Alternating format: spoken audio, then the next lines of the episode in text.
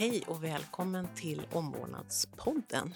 Jag som pratar heter Ingmar Mögelin och jag är sjuksköterska, specialistsjuksköterska i cancervård och jag arbetar som sakkunnig på Svensk sjuksköterskeförening.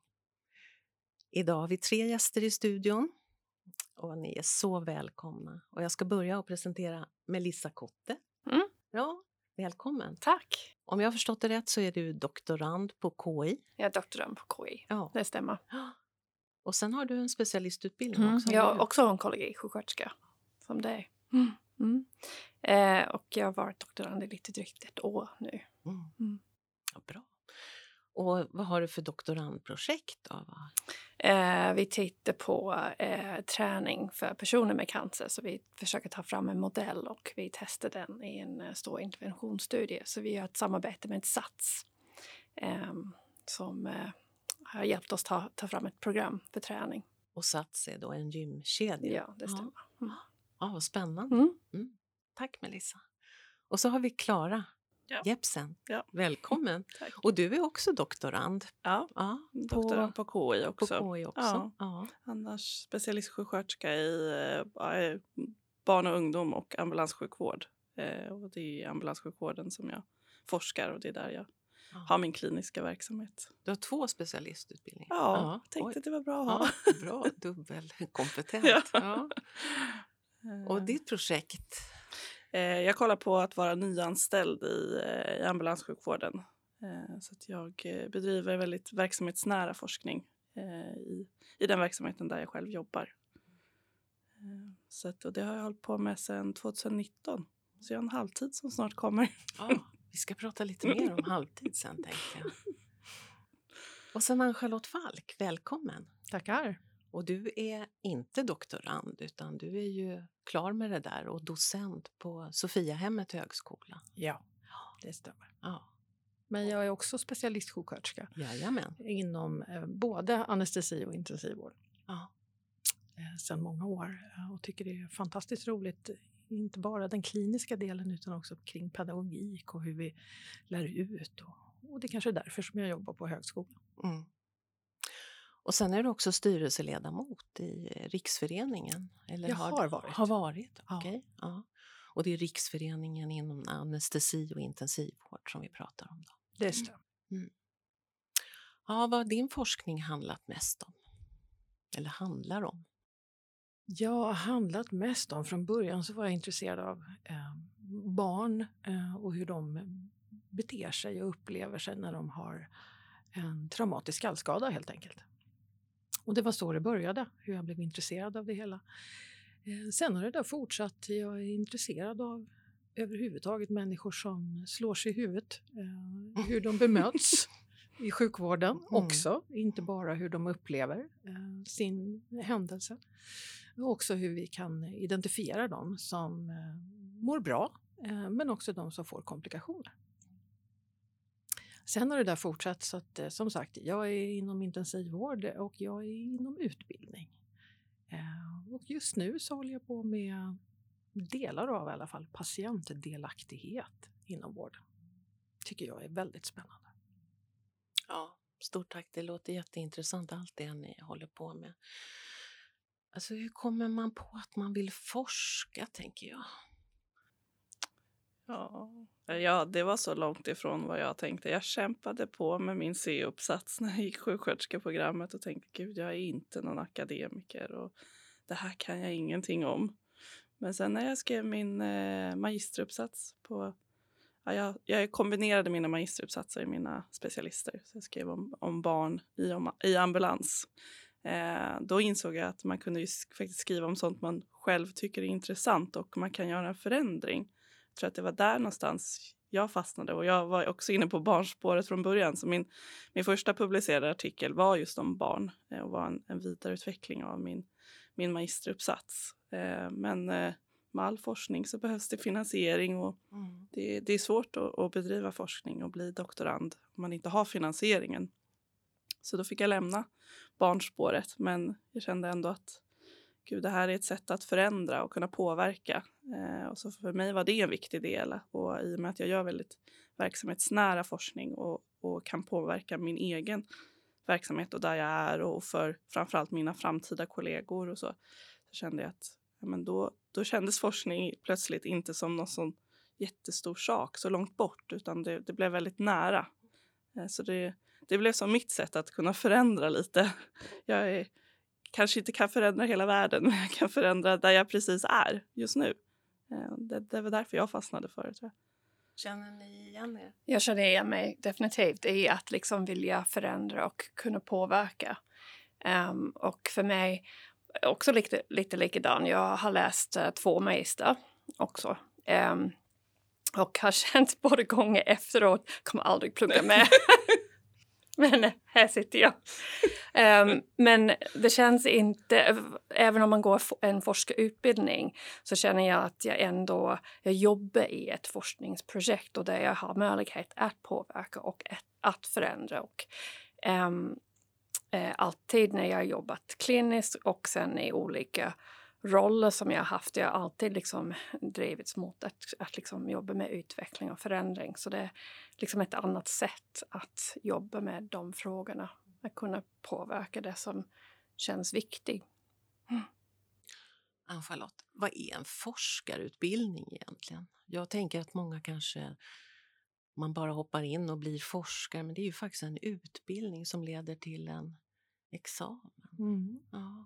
Kan du berätta lite om det? Ja, alltså det är ju en fyraårig utbildning på heltid. Man behöver ju inte eh, göra den på heltid, man kan göra det på längre tid. Eh, och då tänker man åtta år, kan kännas som en oändlighet.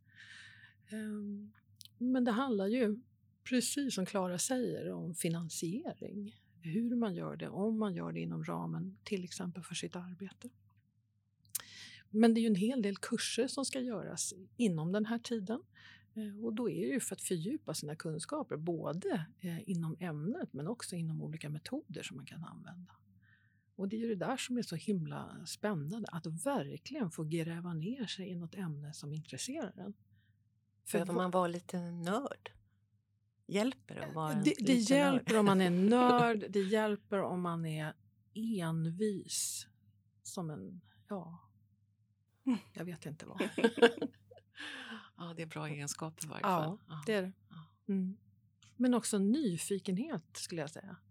Som driver en vidare. Att man förstår att det finns någonting mer som jag vill undersöka. Ja, det, det krävs. För att annars orkar man inte hålla på i fyra år. Varför behöver sjuksköterskor forska? För patienternas skull. Det enkla och korta svaret.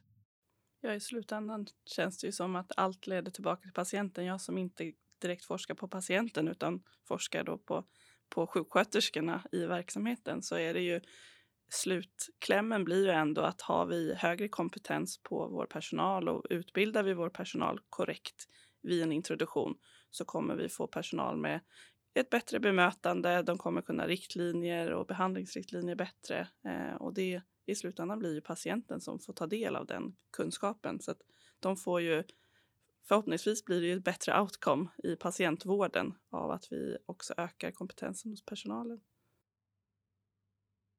Mm. Och hur blir man doktorand? Alltså, hur går det där till? Är det en anställning man söker? Eller? Eh, det kanske ser lite olika ut beroende på um, hur man kommer in i det. För min del, så jag eh, går forskarskolan. Så då var det ett, faktiskt ett färdigt doktorandprojekt uh, som jag sökte mig till. Um, så då är det uh, finansiering från KI och Region Stockholm. och jag blev anställd då jag, jag sökte till det här projektet som låg mig väldigt nära. Ehm, och blev anställd inom projektet. Så det var liksom färdigt. Men det, man kan komma med ett projekt och söka finansiering och söka handledare själv också. Men eh, ja, det var liksom ett färdigt koncept för mig som jag sökte. Men det kändes också bra för mig. Men det kan finnas för och nackdelar med det. Um, projektet var redan klart och etikansökan redan inskickad så jag kunde inte ändra så mycket liksom, i eh, hur projektet såg ut. Ja, hur, hur kom du in på det? Ja, jag gick ju den, den andra vägen mm. som sagt. Eh, började i barnspåret och då sökte jag ju olika externa finansieringar och eh, stöd hos verksamheten där jag jobbar. Eh, men det, ja, det är någonting med barn, barnbiten som inte lockar på samma sätt som, som vissa andra. Just cancervård är ju stort inom forskning och hjärt och kärlsjukdomar är stort och finns ju mycket olika ställen man kan söka eh, pengar ifrån. Men, men barn var svårare. Eh, fick några sådana små bidrag som kunde göra att jag kunde presentera den forskning jag redan hade gjort. Men sen kom jag på en idé tillsammans med min huvudhandledare, eh, huvudhandledare eh, Veronica Lindström på KI. Eh, och då eh, gick vi direkt till ledningen. Jag jobbar inom privat, eh, ett, en privat aktör inom ambulanssjukvården i Stockholm. Eh, så vi presenterade idén vi hade och, och såklart sålde in vad, vad, fördelarna var för, för bolaget i, i slutändan. Och de nappade på det. Så jag har faktiskt en full anställning eh, hos eh, Samariten Ambulans eh, där jag har varit sedan jag började i ambulanssjukvården. Så att, eh, jag jobbar lite kliniskt eh, och sen så har jag forskningstid. Då. Så det, det, är de som finansierar den här forskningen och, och låter mig egentligen testa mig fram väldigt mycket. Så att jag har haft väldigt tur i det. Jag har bra handledare som styr mig på rätt väg. Men, men det är klart att jag hade, hade en viss vision när jag började 2019 och den, den har ändrats under, under gången. Så att det är väldigt många omarbetade forskningsplaner för att nå dit där vi är idag. Men nu tänker jag att gud, det här varit så mycket bättre än den första. Så det, det är jättebra om man lär sig under tidens gång. Så att, det är just det att det är en utbildning. För många kommer ofta säga att du måste vara så smart och man måste kunna så mycket och jag skulle aldrig kunna göra det där men, men ändå ha bra idéer och är intresserade. Men jag försöker alltid landa i att mina handledare säger att Klara, du går en utbildning. Du kan inte skriva manuskript det första du kan göra. Du kan inte göra ansökningar för forskningspengar på en gång utan det är det handledarna är till för att få hjälp och stöd. Så att första artikeln får man mycket stöd och sen får man lite, blir det lite friare, man kan ha lite mer och så eh, växer man i den rollen. Så det är ju verkligen en utbildning, att man förstår att det, jag går i skolan, jag lär mig. Ja. Ja, det låter som du har goda möjligheter. Ann-Charlotte, känner du igen det här eller har, finns det andra som har lite större utmaningar i sin Nej, men det är klart att det är utmaning att forska. Eh, en del av utmaningen är det låter väldigt stort att jag ska forska. Och vad är det? Ehm, vi har någon vision kring det hela, men precis som Klara säger så är det en utbildning eh, och man lär sig på vägen kring det här. Eh, och är man nyfiken och eh, har frågor kring den verksamheten där man är, men fundera över om det finns andra som är intresserade. Ehm, Kanske ja, kontakta Svensk sjuksköterskeförening. Finns det några riksföreningar som har någon sån inriktning? Eh, och träffar man flera så kommer man på att nej, men vi är flera som tänker samma sak.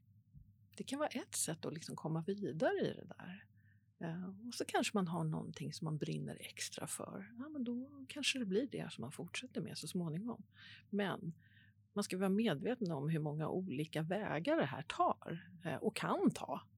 Eh, och därför så, även om det är fyra år, så kan man hålla på sen eh, väldigt, väldigt länge för att det skapar hela tiden nya frågor.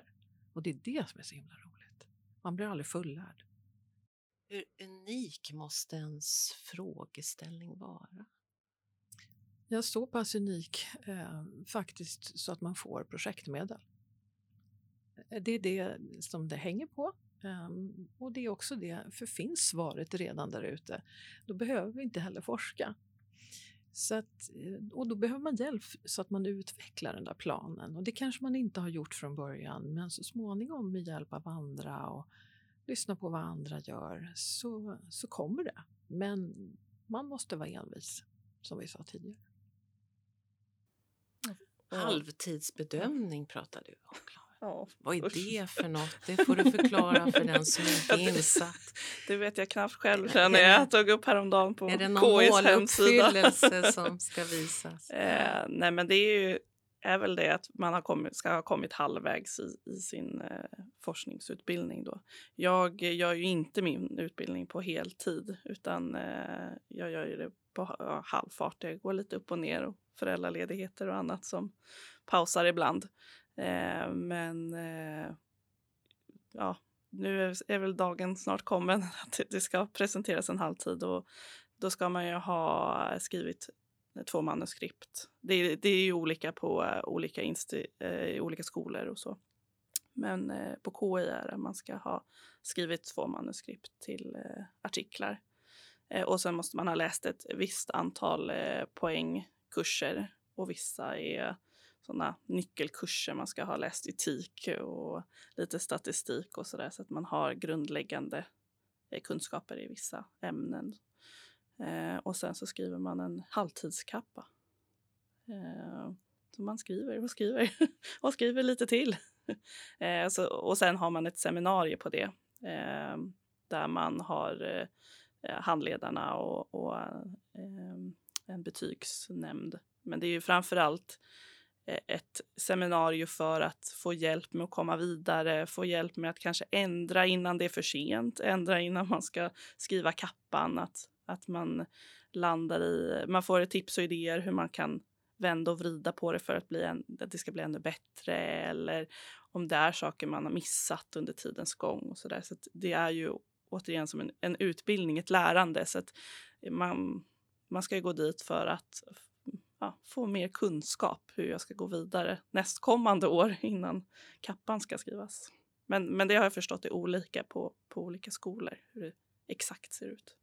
Melissa, har du varit med om halvtidsbedömning? Nej, inte än. Jag inte. har bara läst ett år, så jag, ja. näst, nästa höst blir det för mig. Men jag, jag har lyssnat på några halvtidsbedömningar. Det är också liksom, eh, ett äh, lärmoment att få vara med och lyssna på andras. Um, och mm, de får väldigt mycket bra liksom, feedback, frågor, som du säger, att det, liksom leder leder en eh, fram i sitt arbete. Mm.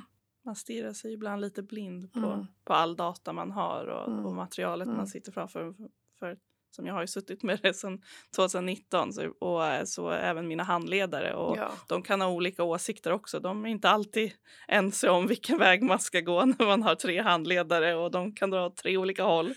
eh, så då blir det ytterligare några som eh, granskar och tittar och kommer med input och så kanske man kan landa i vilken bana man ska gå. Eh, så jag ser det mer som ett lite sådär, så här är vi just, här är vi just nu. Det här är ett förslag hur man kan ta det vidare för att bli ännu bättre och vässa till det. Och, eh, men det är nervöst. Och Ann-Charlotte, du har ju suttit med vid sådana här och varit med i betygsgrupper och så. Hur är det att vara på den sidan då? Ja, men det är jätteroligt för det är, det är ofta de här eh, projekten som de är ju nyare, mer aktuella än eller det som kommer, kunskapen som kommer ur det här. Och få vara med på den resan och se också hur utvecklingen har varit är ju jätte, jätterolig. Eh, men det är lättare för då en annan när man kommer utifrån och ser projektet och ser den röda tråden. Eller ibland nej men här tog det en annan väg än vad det hade tänkt och föra då den diskussionen kan, kan ju då leda den åt olika håll. Eh, och då är man ju fler i en betygsnämnd som har granskat det där och då kan man ha olika inriktningar. Vilket också kan skapa diskussioner som är jättebra. Eh, men som också kan vara liksom utmanande i det här. För som då doktorand så kan man ju ha en tanke i huvudet och så blir det någon som bara ställer en fråga. Oj då, Ja, så kan man också tänka. Finns det kurser eller möten i forskarutbildningen som är lite ämnesöverskridande, alltså med andra professioner? Absolut, som eh, Klara förklarade att, att det finns vissa obligatoriska kurser som man ska läsa oavsett eh, eh, vilket yrke man har eller vilken sorts forskning man gör eller eh, vilket program man eh, eh ligger under. Eh, och det är till exempel statistik, etik, kommunikation. Um, kan vi stanna lite vid det där med kommunikation? Det här att eh, får man utbildning i hur man ska sprida de vetenskapliga resultaten Ja. och kommunicera ut dem till... Ja. Precis, eh, och olika sätt som man ska, man ska skriva vetenskapligt men också, också populärvetenskapligt. Um, Hur man presenterar mm, muntlig. eh, muntliga i till exempel internationella Och, mm, eh, kongresser och sådär. Som Mm. man får öva på mm, att göra sådana saker. Hur man använder kroppsspråket och vilka ord som är bra att använda. Och, mm. Hur man ska göra en presentation liksom i Powerpoint och, eller någon annan eh, format. Mm.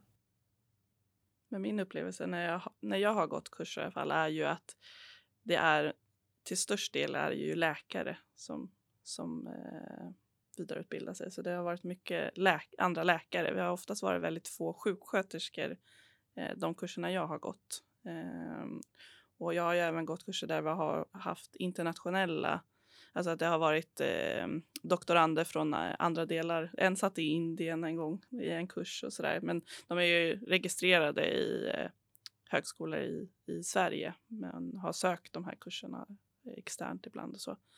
Eh, och de kan ju bli ganska förvånade när man säger att man är sjuksköterska, att man faktiskt inte är doktor utan man är sjuksköterska från Sverige och nu doktorerar och liksom har målsättningen att de som kommer från andra länder Ja, du? ja. Mm, för jag, jag vet, min uppfattning är att det inte är lika vanligt att det är sjuksköterskor som, som gör det utomlands. Eh, så de kan bli ganska, först lite förvånade och sen imponerade att vi har de möjligheterna här i Sverige. Att det är, är fler och fler sjuksköterskor eh, som faktiskt väljer att doktorera.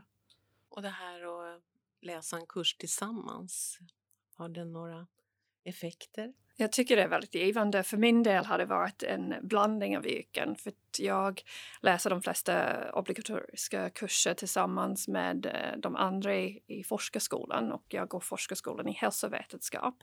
Så då är det eh, alla yrken. Så vi har läkare, sjuksköterskor, arbetsterapeuter, fysioterapeuter, vi har någon ingenjör.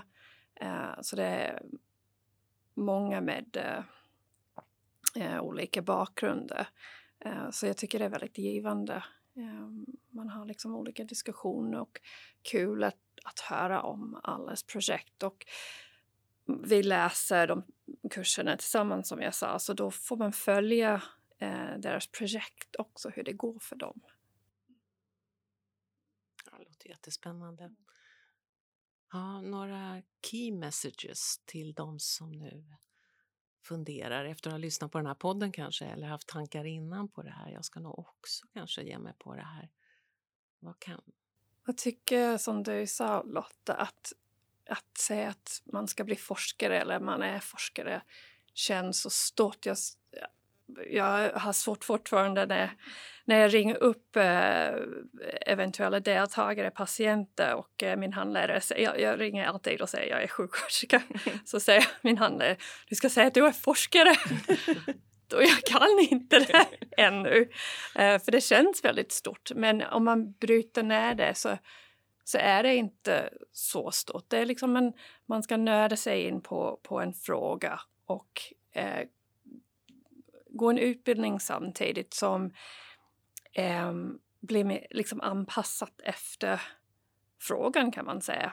Vissa obligatoriska kurser men det är inte som en eh, grundutbildning eller en vidareutbildning eh, liksom in, inom ett magister eller någonting. Det, det är ett färdigt program. Nu, nu bygger man eh, sin utbildning utifrån eh, behovet i sin forskningsfråga. Um, ja, så det, så det behöver inte vara så stort. Nej, jag brukar känna att jag jag tänker alltid att det är någon som ska komma på att jag bara luras. Ja. Att jag faktiskt inte kan. Att jag inte är samma sak. Jag skulle aldrig säga att jag är forskare. Utan jag tänker alltid, oj, när ska någon komma på att jag står här och smugit mig in på den här konferensen. Eh, men eh, jag menar, man får nog inte göra det så stort. Utan, och jag som gör det på, på halvtid, jag får ju liksom ibland, ibland är det för och nackdelar med att göra det på halvtid. Det tar, det tar ju längre tid. Nu ska jag inte göra det på åtta år har jag inte planerat. Men, eh, men man måste ju ha koll på att man får, får ihop bitarna man ska. Men, men då kan man också ha utrymme att eh, göra annat, alltså att man kan fortfarande vara kliniskt förankrad. Många kan ju tycka att det, det vore tråkigt att tappa det, eh, att man bara ska sitta med böcker hela tiden. Jag tycker det är skönt att få kombinationen, att, att blanda. Eh, så, och det är ju tacksamt att man kan göra det på olika sätt och få det ändå gå ihop. Men eh, man ska nog bara, bara våga. Och jag, jag har en del ibland som kommer och frågar, ja, men jag är nog lite intresserad. Eller som hör av sig kanske när de ska skriva sina magistrar och frågar om, om råd och sådär. Och vissa magistrar som vi sen har eh, suttit ner och skrivit manuskript för att publicera. Och det kan ju vara första steget, att testa att vara med. Jag hade en som var intresserad och hon var med på min första artikel Eh, för att få se hur man faktiskt gör med datainsamling och analys och sen skriva manuskript och få det publicerat. Så, så det vart ju liksom en liten, ett litet test. Nu är hon också registrerad, eh, så hon tyckte att det var kul och fortsatte. Men man kan ju alltid höra sig för om man känner folk som håller på eller som, som Lotta är färdig och det kan ju vara att Lotta har projekt man kan få vara med och titta på eller, eller vad, liksom, testa sig fram. Eh, och sen, man, jag tänker alltid att man bara ska våga. Mm. Ja, det låter bra. Ann-Charlotte, vad har du för medskick till den som är nyfiken? Du har ju handlat flera student eller doktorander och Ja, alla är ju inte, precis som du säger, alltså alla är inte doktorander från början utan man har ett intresse av något område. Man kanske läser en specialistutbildning och man börjar med någonting som, som blir någonting annat i slutet. Eh, och att fortsätta med det, fortsätta behålla nyfikenheten eh, och inte vara rädd. Utan ta kontakt med människor. Då upptäcker man hur många det är som faktiskt är intresserade av att utveckla olika delar i patientvården, för det är därför vi är där. Eh, och som upptäcker saker, ja men det här vill jag veta mer om. Och så för man den diskussionerna. Så diskussioner på arbetsplatser kring det här. Um, och då behöver det inte, inte liksom vara direkt forskningsmetoder alla gånger, utan ämnet också. Och då inser man att oj, vad många det är som faktiskt är intresserade. Um, och där tror jag att mycket växer fram. Så i frågorna och men också kanske lite att vara förebild kanske och visa ja, vägen. Ja, ja eh, och det har man ju då som, som forskare att vara. Eh, att kanske ge tips till varandra. Hur, hur kan man göra? Var kan man söka projektmedel? Eh, bara det som vi pratade om tidigare, hur gör man en etikansökan? Alla de här sakerna som kan upplevas som otroligt stora kan man faktiskt få hjälp med och ska ha hjälp av en handledare för att göra det. Nu skulle jag slutligen vilja fråga, varför är du medlem i Svensk sjuksköterskeförening, Charlotte? För det är vår professionsförening eh, och är det någonting som vi eh, har gemensamt så är det vårt huvudområde eh, som utgår från omvårdnad. Och där kan vi alla träffas, ta del av till exempel poddar eller andra mötesforum så att vi känner att vi kan fortsätta utvecklas och visa vilket fantastiskt yrke vi har. Klara, varför är du medlem i Svensk sjuksköterskeförening? Jag tror att det börjar i att jag, jag är stolt över att jag faktiskt är sjuksköterska. Jag är stolt över den titeln som jag har fått eh, i, genom utbildningar och sen vidareutbildningar. Att, eh, att jag gjorde det. Eh, jag, ibland när jag var yngre trodde jag kanske inte skulle göra, ta mig så långt och så nu sitter jag här som doktorand. Så att mycket handlar nog om eh, att bara få vara stolt i min yrkestitel. Jag är stolt, stolt över mina kollegor och vad vi faktiskt bedriver. Om inte annat nu efter att ha en pandemi i ryggen så är jag otroligt stolt över alla sjuksköterskor och undersköterskor som kämpat på just med omvårdnadsbiten. Är, man pratar gärna om det medicinska, vilka mediciner som är rätt väg och hur man ska behandla. Men, men omvårdnaden är otroligt viktig i alla kategorier, allt från de små barnen till, till våra äldre. Ja, Melissa. Mm. Jag är också stolt över att vara sjuksköterska. Eh, och jag tycker det är viktigt att man är liksom många röster tillsammans som eh, påverkar och eh, utvecklar omvårdnaden. Ehm, och så jag har varit, eh, suttit i, um, som, som ledamot i um, eh, föreningen för hematologisjuksköterskor tidigare. Och det är liksom mitt sätt att kunna påverka från ett annat håll. Uh, och det, liksom, det, det, finns mycket tilltro och tillit uh, för sjuksköterskor. Um, ehm, och jag tycker vi ska liksom ha med mandat att kunna liksom påverka. Ja. Tack för era röster idag. Tack. Stort tack för att ni deltog i Omvårdnadspodden. Och det är tack vare medlemmarna i Svensk sjuksköterskeförening som vi har möjlighet att göra de här poddarna. Mm, tack. tack. Tackar.